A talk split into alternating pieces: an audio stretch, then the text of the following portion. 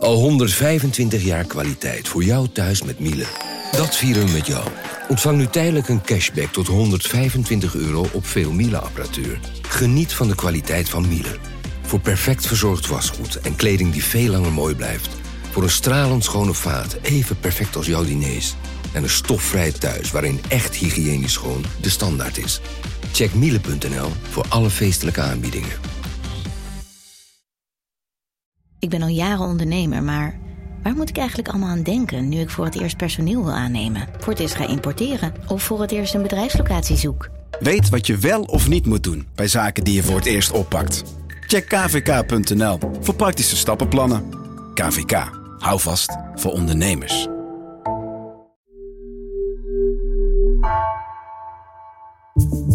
Vanaf de redactie van NRC het verhaal van vandaag. Mijn naam is Gabriella Ader.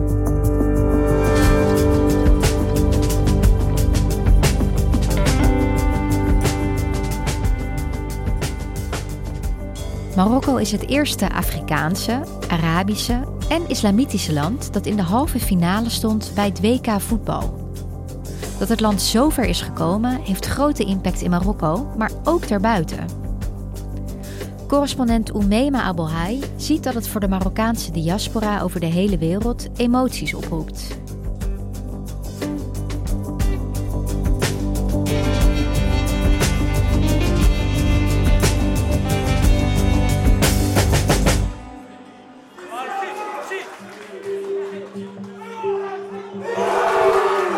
Ik was deze week in Rabat om de wedstrijd Marokko-Frankrijk te verslaan.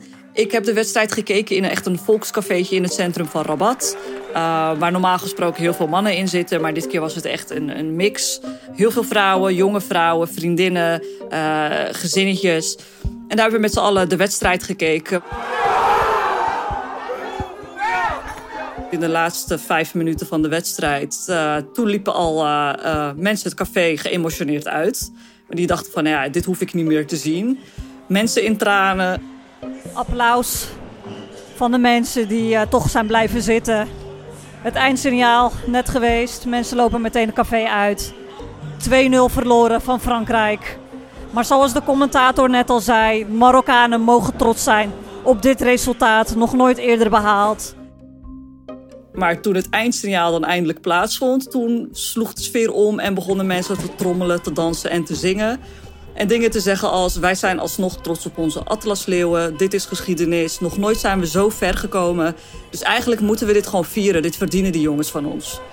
En nou, het ging helemaal los in de stad. Mensen gingen toeteren, iedereen was aan het zingen, het was gewoon één groot feest. Net alsof ze zich hadden geplaatst voor de finale. Nou, een straatverkoper heeft besloten dat we toch moeten feesten. Want het is een bijzonder moment. Een vrouw loopt geëmotioneerd achter hem aan die het met hem eens is. Oh, wat mooi. En jij bent correspondent Spanje, Portugal en Marokko.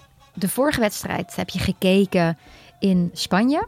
Hoe was het daar? Ik was naar een cultureel uh, Arabisch huis gegaan. Het heet Casa Arab. En daar organiseren ze vaak events. En dit keer hebben ze dus tenten opgezet met een gigantisch scherm. Het was best wel een leuke sfeer. Je had staattafels, er was drank, er waren hapjes. Uh, mensen zaten op stoeltjes. En het was zo druk dat heel veel mensen ook gewoon buiten moesten staan.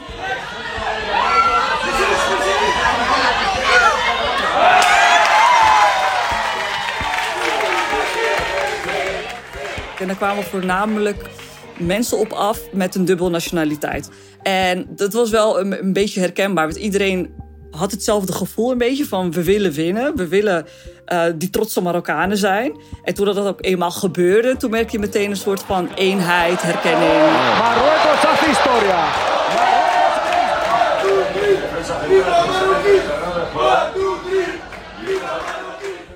En iedereen die stond elkaar te omhelzen en te zoenen. En terwijl je die mensen nog nooit eerder in je leven hebt gezien. Maar je merkt toch dat dat stukje dubbel nationaliteit elkaar verbindt. Met name in Europa. Ja, want wat voelde jij toen je ineens zag dat Marokko zo ver kwam? Nou, ik was daar als journalist. Ik wilde verslag doen van de wedstrijd. Dus ik was een beetje audio-opnames aan het doen. En uh, om me heen aan het kijken, sfeer oppikken. En toen dus gefloten werd voor het eindsignaal. Ik, het was een enorme ontlading in mijn lijf. Ik, ik stond ineens ook te gillen met die mensen. Terwijl ik dacht van nee, je bent een journalist, dus je moet even normaal doen. Maar ik, ik kon mezelf niet in bedwang houden. Dus ik stond ineens ook gewoon te springen en te dansen en te zingen. En, en later, toen zat ik in de metro en toen ineens overvielen me de emoties en moest ik huilen. Omdat ik dacht van, we did it. En het, het was een enorme trots die in de hele Marokkaanse diaspora te voelen was. Niet alleen in Spanje, niet alleen in Frankrijk, zoals we de beelden hebben gezien. Uh, ook uit Nederland, dat mensen de straat op gingen met z'n allen. Zelfs in Amerika, in of all places Texas, waren mensen aan het feest vieren. En toen ik dat allemaal zag en dat... Die emoties werden steeds intenser. Ik dacht van ja, we krijgen eindelijk erkenning wij Marokkanen die altijd als een soort probleem werden gezien, als een last. En dat gevoel veranderde ineens. We doen ertoe. En dat Marokko de finale niet heeft bereikt, doet er niet meer toe, omdat dit om zoveel meer gaat dan alleen maar voetbal. Wat bracht het in jou naar boven toen Marokko van Portugal won en ze dus echt naar de halve finale gingen? toen Marokko zich had geplaatst voor die halve finale, opende dat bij mij ongeheelde trauma's. Dat is misschien wel uh, waar ik ineens mee geconfronteerd werd. Omdat als je als migrantenkind opgroeit in het Westen, dan sta je eigenlijk per definitie al 10-0 achter. Je moet veel harder je best doen, je moet veel harder studeren, werken. Je, je altijd heel, heel, heel goed gedragen. Zodat niemand tegen je kan zeggen van... ja, nee, maar dit komt omdat je Marokkaans bent. En ik had heel lang het gevoel gekregen dat het een schande was om Marokkaan te zijn. Door hoe we behandeld werden, door die ongelijke kansen. En toen Marokko dus zich had geplaatst voor die halve finale... toen moest ik ineens denken aan al die keren dat mij werd verteld van... jij komt er niet. Op de basisschool krijg je al te horen van... ja, nee, volgens mij moet uw kind lekker naar het VMBO gaan... want ik denk dat VWO te hoog gegrepen is voor haar. Um, en ik ben niet de enige die dat soort dingen te horen uh, heeft gekregen... of nog steeds krijgt.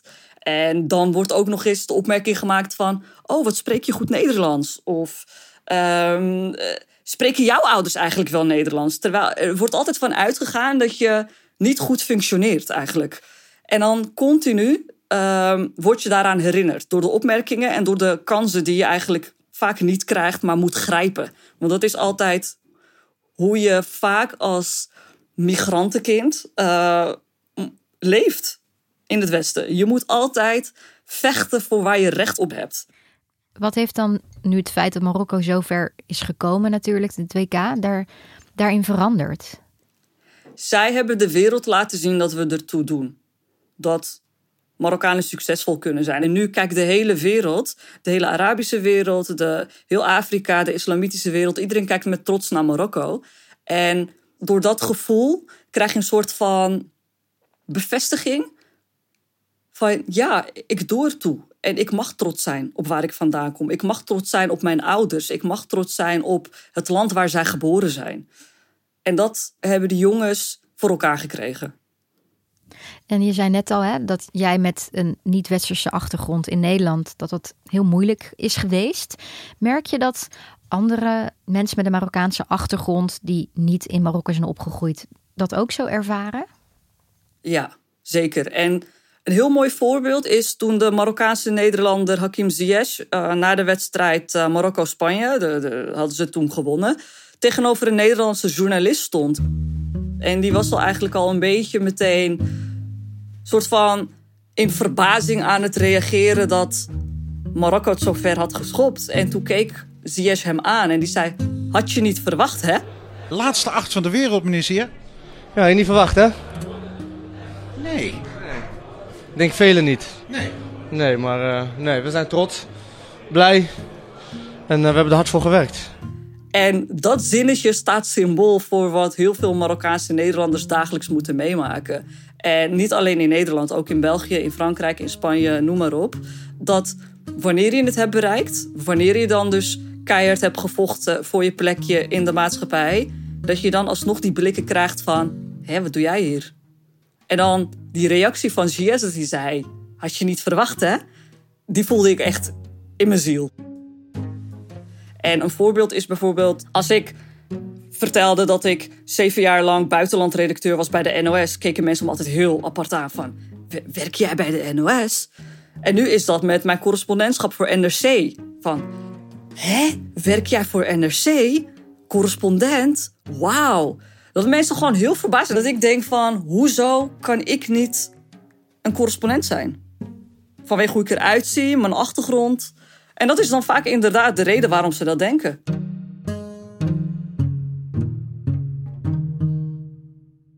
Uiteindelijk heeft Marokko dus toch heel ver geschopt. Hoe ziet dat elftal eruit? Wie, wie spelen er in dat team? Hakim Ziyech die doet het fantastisch. Marokko in extase. Het balgevoel van Ziyech achterloos. Met die verfijnde linkervoet. Dit is een goal. Hij wordt hier gezien als echt een van de grote sterspelers aller tijden. Samen met Soufiane Amrabat ook en Mazraoui. Een fantastisch succes voor Marokko. Ook als je het aan de mensen hier op straat vraagt van wie is je favoriete speler? Of je luistert een gesprekje af van mannen die dan uh, aan de koffie zitten en dat ze dan zeggen van ja, die Mazraoui die moeten ze echt selecteren deze wedstrijd. Die Nederlanders zijn echt, die zijn echt heel goed. Dus ze worden echt enorm gewaardeerd en het zijn toch wel spelers die die enorm hun best hebben gedaan en dat ook hebben laten zien. En die waardering die krijgen ze nu heel erg in Marokko, maar ook daarbuiten. Je noemde net al uh, Nederlandse spelers natuurlijk. Maar hoe ziet het Marokkaanse elftal er verder uit?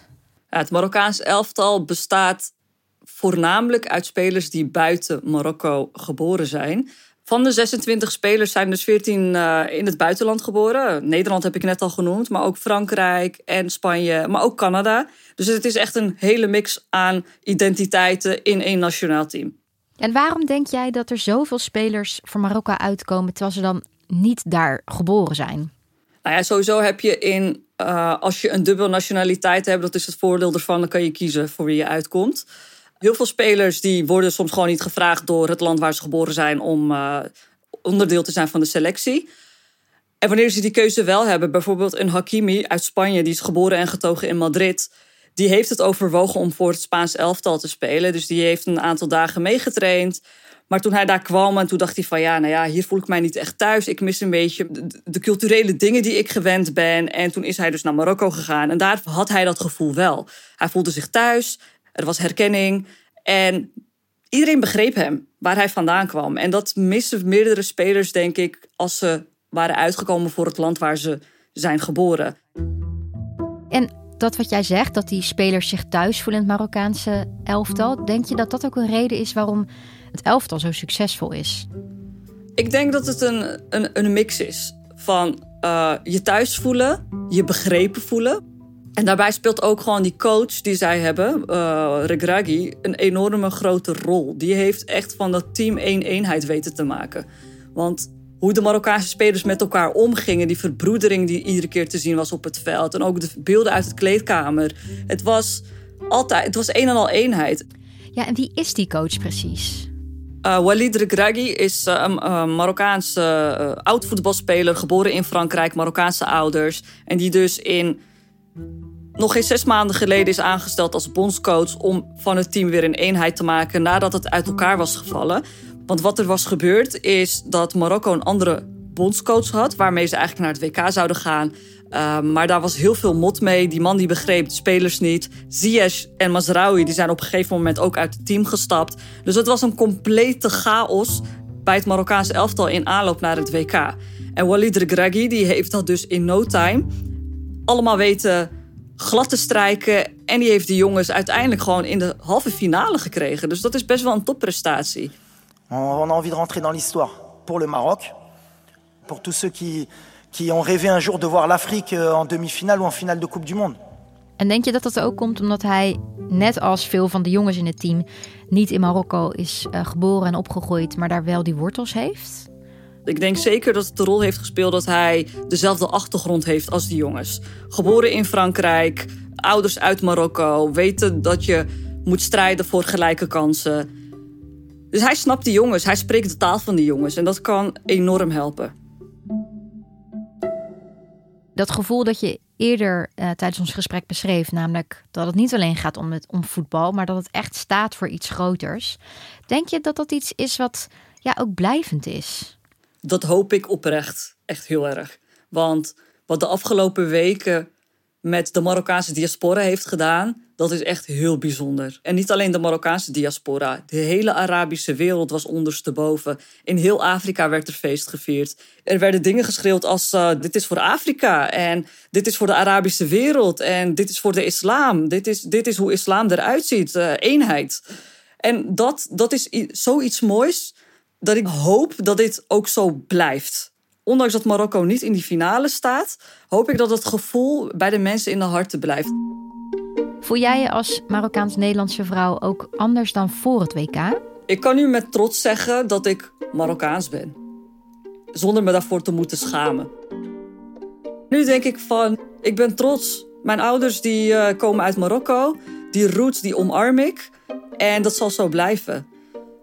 En dat allemaal door voetbal, waar ik normaal gesproken helemaal niets mee heb. Ja, want hoe gaat de Marokkaanse diaspora morgen de wedstrijd in, denk je? Ik bedoel, de finale hebben ze niet gehaald, maar toch nog een, een strijd om de derde of de vierde plek. Nou, volgens mij het feit dat mensen de straat op gingen om feest te vieren, ondanks dat ze hadden verloren met 2-0, dat zet volgens mij al een beetje de toon voor morgen. Wat ik ook heb gehoord van de Marokkanen hier in Rabat is dat ze ongeacht de uitkomst zo trots zijn op de Atlas Leeuwen dat dit niemand ze kan afpakken. Dankjewel. Graag gedaan.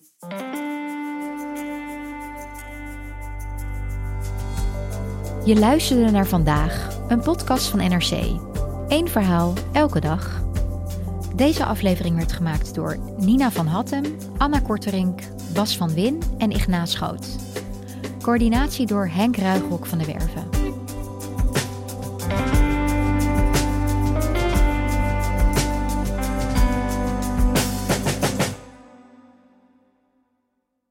Technologie lijkt tegenwoordig het antwoord op iedere uitdaging. Bij PwC zien we dit anders. Als we de potentie van technologie willen benutten, kunnen we niet zonder een menselijk perspectief. Human-led, tech-powered noemen we dat. Ga naar pwc.nl.